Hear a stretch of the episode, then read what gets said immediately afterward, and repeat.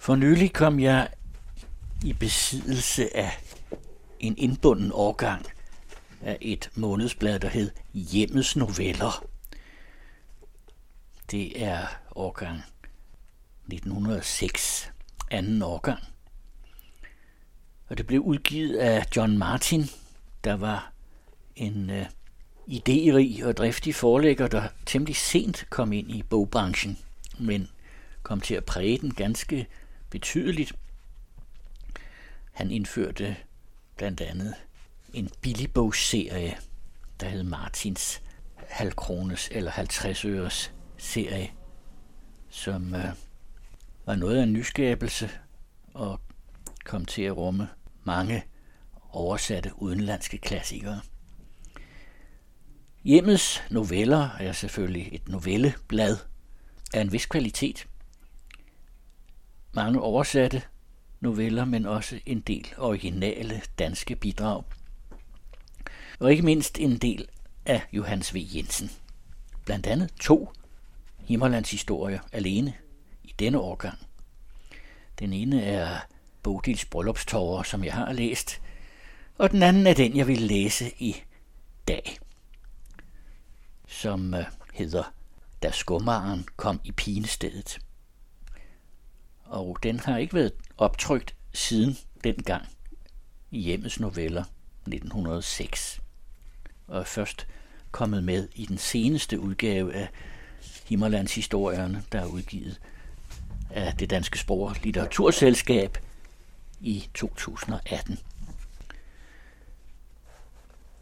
På kirkegården i en landsby, som ikke skal nævnes, lå der i nogle år en stum bjælke af en alens længde og lige afsavet i begge ender. Det var et stykke af en loftsbjælke, og midt på sad en almindelig lampekrog, hvor til der var knyttet en indreb. Bjælkestumpen lå gerne slængt hen på et bestemt gravsted i kirkegårdens ødeste hjørne. Det hente af byens småbørn, når de var oppe at lege i deres uskyldighed, kørte hest og vogn med bjælkestumpen ved det reb, der så fristende var bundet til den, og siden lå den ligge andet sted mellem gravene. Men en eller anden hånd flyttede den altid tilbage igen til denne samme grav, der lå for sig selv i hjørnet af kirkegården. Børnene kendte jo et godt graven, der endnu var ny. Den var smykket med en støbt cementoval, på hvis østre ende, der med malet skønskrift forkyndtes, at herunder hvilede støvet af Lars Pedersen Vakker. Lars Vakker havde været de fleste børn i landsbyen og omegn særdeles velbekendt. Vak, vak. Nu lå han altså nede ved de andre pilivakker. Men hvorfor var der altid den stump loftsbjælke med hovedlagreb, det vil sige sådan en reb til at sno om hovedet på en hest, at finde på hans grav, det grublede den glade bondeungdom ikke over. Men for voksne folk, der vidste det, betød tømmeret og rebet nok, at her var hængt mandsgrav. Det er ikke længere siden end i 80'erne, at denne forholdsregel imod gengangeri var at se på en kirkegård i Jylland, der havde nu også været særlige grunde dertil. Lars Vakker havde træben og var des årsag skummer. Han var i en usædvanlig grad galsindet og bar et latterligt navn. I disse forudsætninger stak hans historie. Ingen vidste, hvordan Lars Vakker havde mistet benet, altså forelå der ikke grund til skånsel. Han kom til byen som en fremmed, en naturlig fjende, af hvem man ikke ventede andet, end at han kom for at slås. En skøn dag havde han etableret sig i et lille hus nede i nærheden af landsbyskolen, hvorfra han stiltigende åbnede kampen mod skummer Anton op i byen. Et blikskilt med en lang støvle, der var gul, og en halvstøvle, som spillede i det blå, hang som krigserklæring ved dørkarmen. Lars Vakker stod der malet nedenunder med hvide stase bogstaver. Inden for de lave ruder så et stort, busket hoved bøjet over listen i skæret fra den lille lampe, der selv ved dagstid osede under blikmålet med pløkker i. Huset havde stået tomt længe og blevet genstand for folks dumme kuldefornemmelser, når de skulle der forbi om aftenen. Et tomt hus på landet er en mere end sørgelig ting. Der må mennesker langvejs fra til at flytte derind, for uhyggen skal hæves. Men der vil altid blive ved at hænge noget klamt ved den nye beboer. Lars Vakker havde altså lejet huset, ukendt og med en fortid bag sig et eller andet sted op ad Aalborg til. Samme dag han flyttede ind, opdagede børnene ham, da de kom fra skole.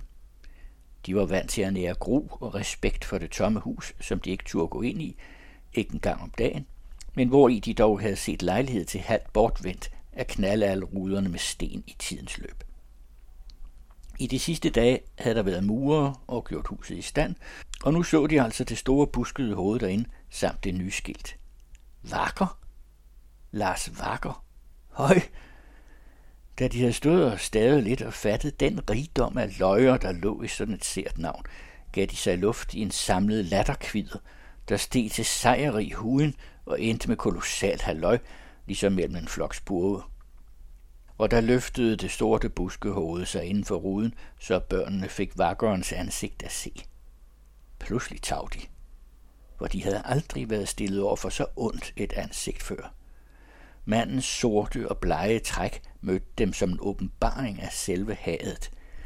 Hans opspærrede øjne stak ud på dem med en dyb skummelhed, de ikke forstod, men som gjorde dem bange. De blev dog stående, undså sig lidt og begyndte så at skotte til skiltet og blive glade igen. Vakker. Åh, oh, nej da. De småtidrede. En kunne ikke bare sig for at sige det. Vak. Og straks klang det fra en anden. Vak, vak. Og nu kom det en latterstorm for hele flokken. Vak, vak, vak.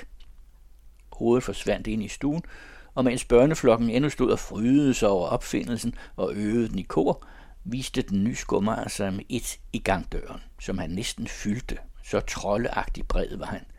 Og han var forfærdelig at se til. De udstående øjne var næsten dumme af raseri. Børnene anede faren og retirerede i panik, just som skummeren kom helt ud af døren. Der så de, at han havde træben. De stansede på den anden side af vejgrøften. Jagt tog tavst, hvorledes skummeren gik et par skridt ud efter dem med træbenet i en stiv bue ud til siden hver gang. De så, hvorledes han stansede midt på vejen og sukkede dybt, med de vilde, hadefulde øjne rettet ufravendt over imod den. Så lå de. Først så småt. De ynkede ham. Så med mig en ringeagt. Ham var der nok ingen fare for, han løb hverken i trav eller galop. Vak, vak. Men med et holdt de alle sammen inde, for manden var ved at sige noget. Han var kommet til at se så venlig og forledet ud i ansigtet. Han knep øjnene kærligt i og lokkede frem for sig med noget, han havde i hånden. Det var nok ved at høre, hvad han havde at sige. Kom her, lokkede skummeren der så mindeligt. Kom her, småbørn. Jeg har sukker. Kom i gavebedt, børn. De tager mistroisk. Men der var en, der gik over grøften, og tøvende nærmede sig til skummeren, en dristig dreng, en af dem, der havde sunget for før. Han så på den lukkede hånd, kunne ikke modstå, nærmede sig. Kom nu, lokkede vakkeren. Flere af børnene gik over grøften og belavede sig på at følge føreren, der nu kun var tre skridt bort fra skummeren. Der må der have været noget i mandens blik, der slog drengens instinkt. En anelse. Han stansede. Alle de andre bagved stansede også straks, og der blev dødstille. I samme nu gik skummerens hjertelige mine over et udtryk for rasende ondskab, og han gled frem foran sig med en knibbel, som han havde holdt skjult på ryggen. Spillet var tabt. Drengen sprang tilbage, og de retirerede alle sammen over grøften igen, mens skummeren i en brand af hadefuldhed stod på sit træben og overøste dem med skældsord. Skældsord, som børnene ret koldblodigt stod og hørte på. Vak, vak, faldt en af drengene ham bebrejdende i talen. De andre smadre lå. Småpigerne bøjede sig sammen med tavlen og katekismen ind mod maven og lå så fint som klokkespil over det her. Vak, råbte den anden af drengene med groft mæle, temmelig ubarmhjertig. Nu stod det på krig. Skummeren gjorde i ustyrlig galsindighed et forsøg på at regne flokken ind. Et par tåbelige spring på det raske ben med træbenet stritten efter sig. Men det var jo forgæves. Børnene løb bare et lille stykke og samlede sig så igen om at beskue vakkeren hånligt.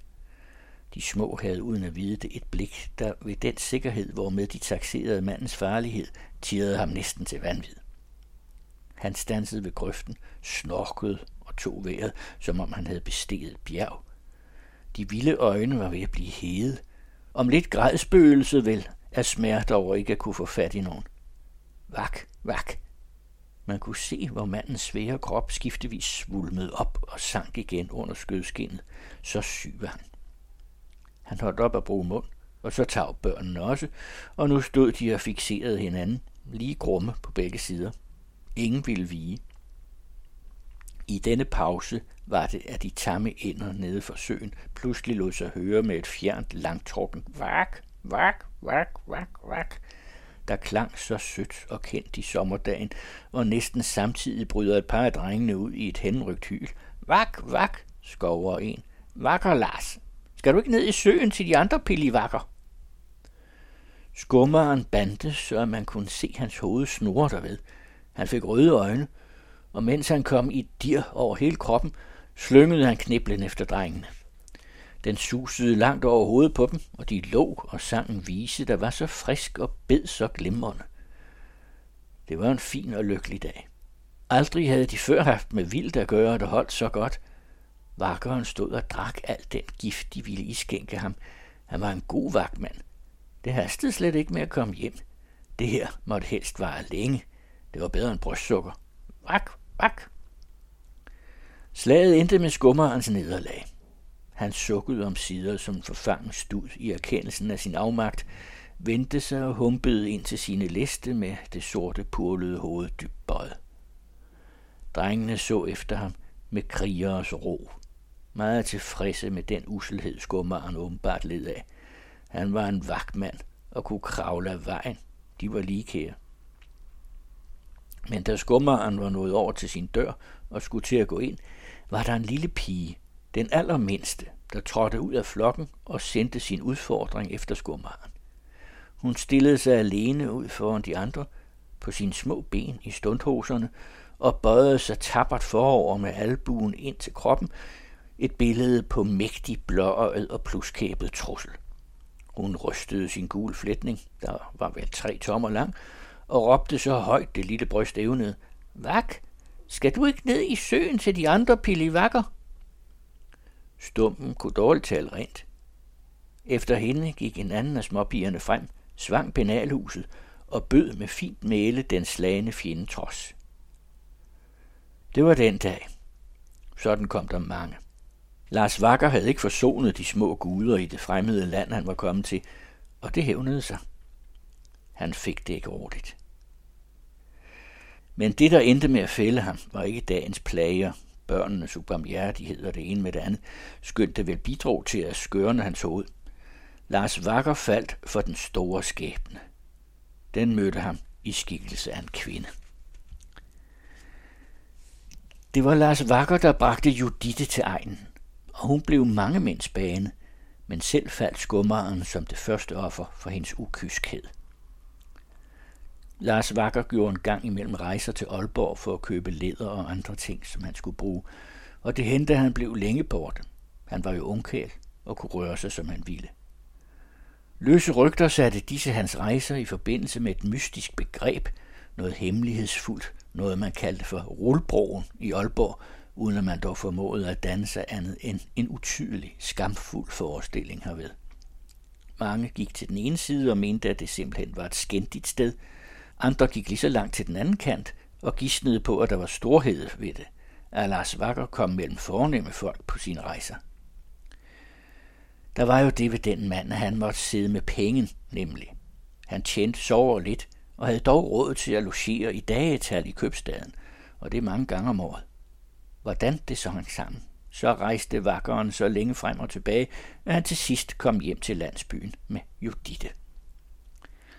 En skildring af denne djævel indes utærlige dejlighed skal ikke her forsøges, da det ville falde ind under den formastlige kunst, og pennen desuden ville væge sig derved. Bortset fra, at vor pen er for svag. Ej heller skal der en antydes, hvilket levnede der i tre frygtelige uger lå i det ille ansete skummarhus. Til dette ville føres ind på forvågende områder. Det må være nok varsomt at røbe, at Judite var et vildt og dejligt hors på 20 år, som knuste sjælen på al byens unge kale ved at træde op som det højeste under i verden, der på samme tid åbenbarede sig som det lettest opnåelige. Så smuk og så forvorpen var hun. Men en nærmere skildring af Judith skal som sagt ikke forsøges her, hvor det kun er nødvendigt at ryste læseren så vidt, at årsagen til Lars Vakkers nedfart til de usagelige sted kan blive forstået. Hun drev ham ud af hans forstand, plaget, tykblodet og gal, som han var i forvejen. En gang efter en redsom scene hængte han sig. Judith lå og snude, men hun vågnede vel sagtens ved, at skummeren ikke længere gav noget vak fra sig, og skar ham ned. Nu kom det redselsfulde, for da Lars Vakker kom til sig selv igen, han havde ikke hængt ret længe, troede han, at han var død og i den evige ild. Det var en middagstund. Børnene kom fra skole og passerede som sædvanligt Vakkerens hus, hvorfra de i den seneste tid var vant til at høre meget spektakel. Eder og rasende forbandelser fra Vakkeren og koglende latterudbrud fra Judite. Det lede kvindemenneske talte næsten ikke andet sprog. Hun var alt for kod. Det var netop denne frister latter, der ikke lå sig stanse, som lidt efter lidt havde lokket Lars i døden. Og da han havde taget livet af sig, vagte hun ham op igen. Børnene stillede sig, da de kom forbi skummerens hus, op i gruppe, som de plejede, og gav deres offer et lille stykke på klarinetten. Vak, vak.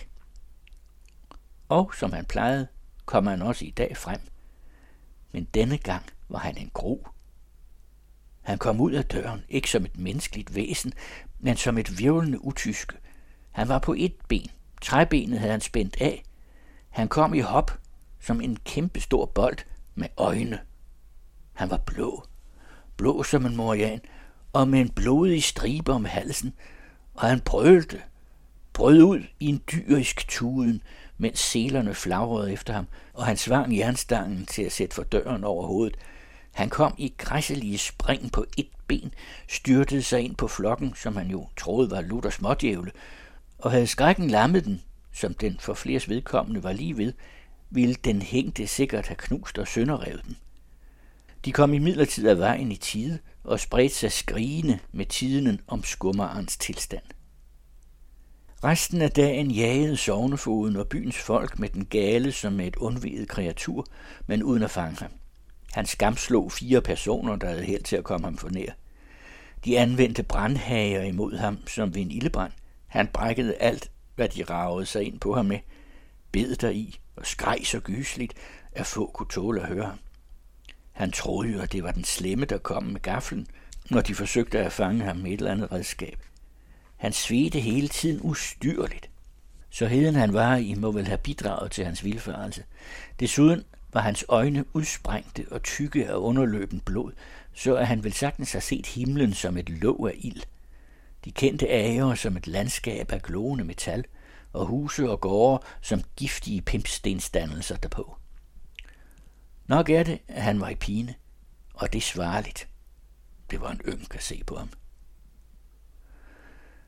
Da det viste sig frugtesløst at jage efter vakkeren, lod man ham i fred i den tro, at han ville komme til sig selv. Så længe man ikke gik ham for nær, gjorde han jo ingen ulykker.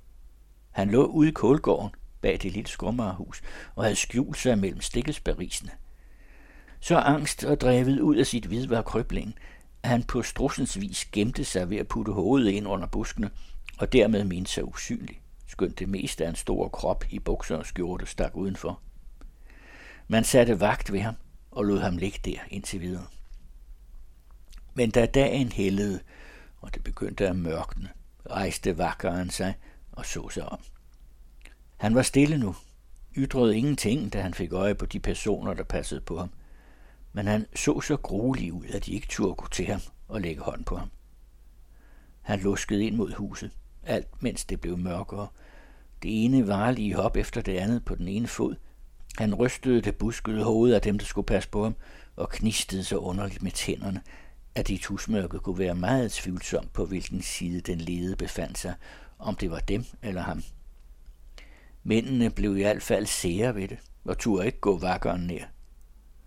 Om sider hoppede han sig ned til huset og forsvandt derind, efter en sidste gang at have vendt sig i døren og visset tænder i tusmørket. Da de nogle minutter efter vågede sig ind i huset, hvor alt var mørkt og stille, fandt de ham under bjælken. Han havde hængt sig for anden gang, og nu var han død. Han gik igen og ville ikke blive nede, før man havde givet ham bjælken og strikken op på graven. Så faldt han i ro dernede mellem de andre pilivakker. I hørte, da skummeren kom i pinestedet, en Himmerlands historie af Johannes V. Jensen, som første gang stod trygt i bladet Hjemmes Noveller i maj 1906. Der kommer flere Himmerlands historier i de næste uger her i Farovs Klassikere. Du lytter til den anden radio.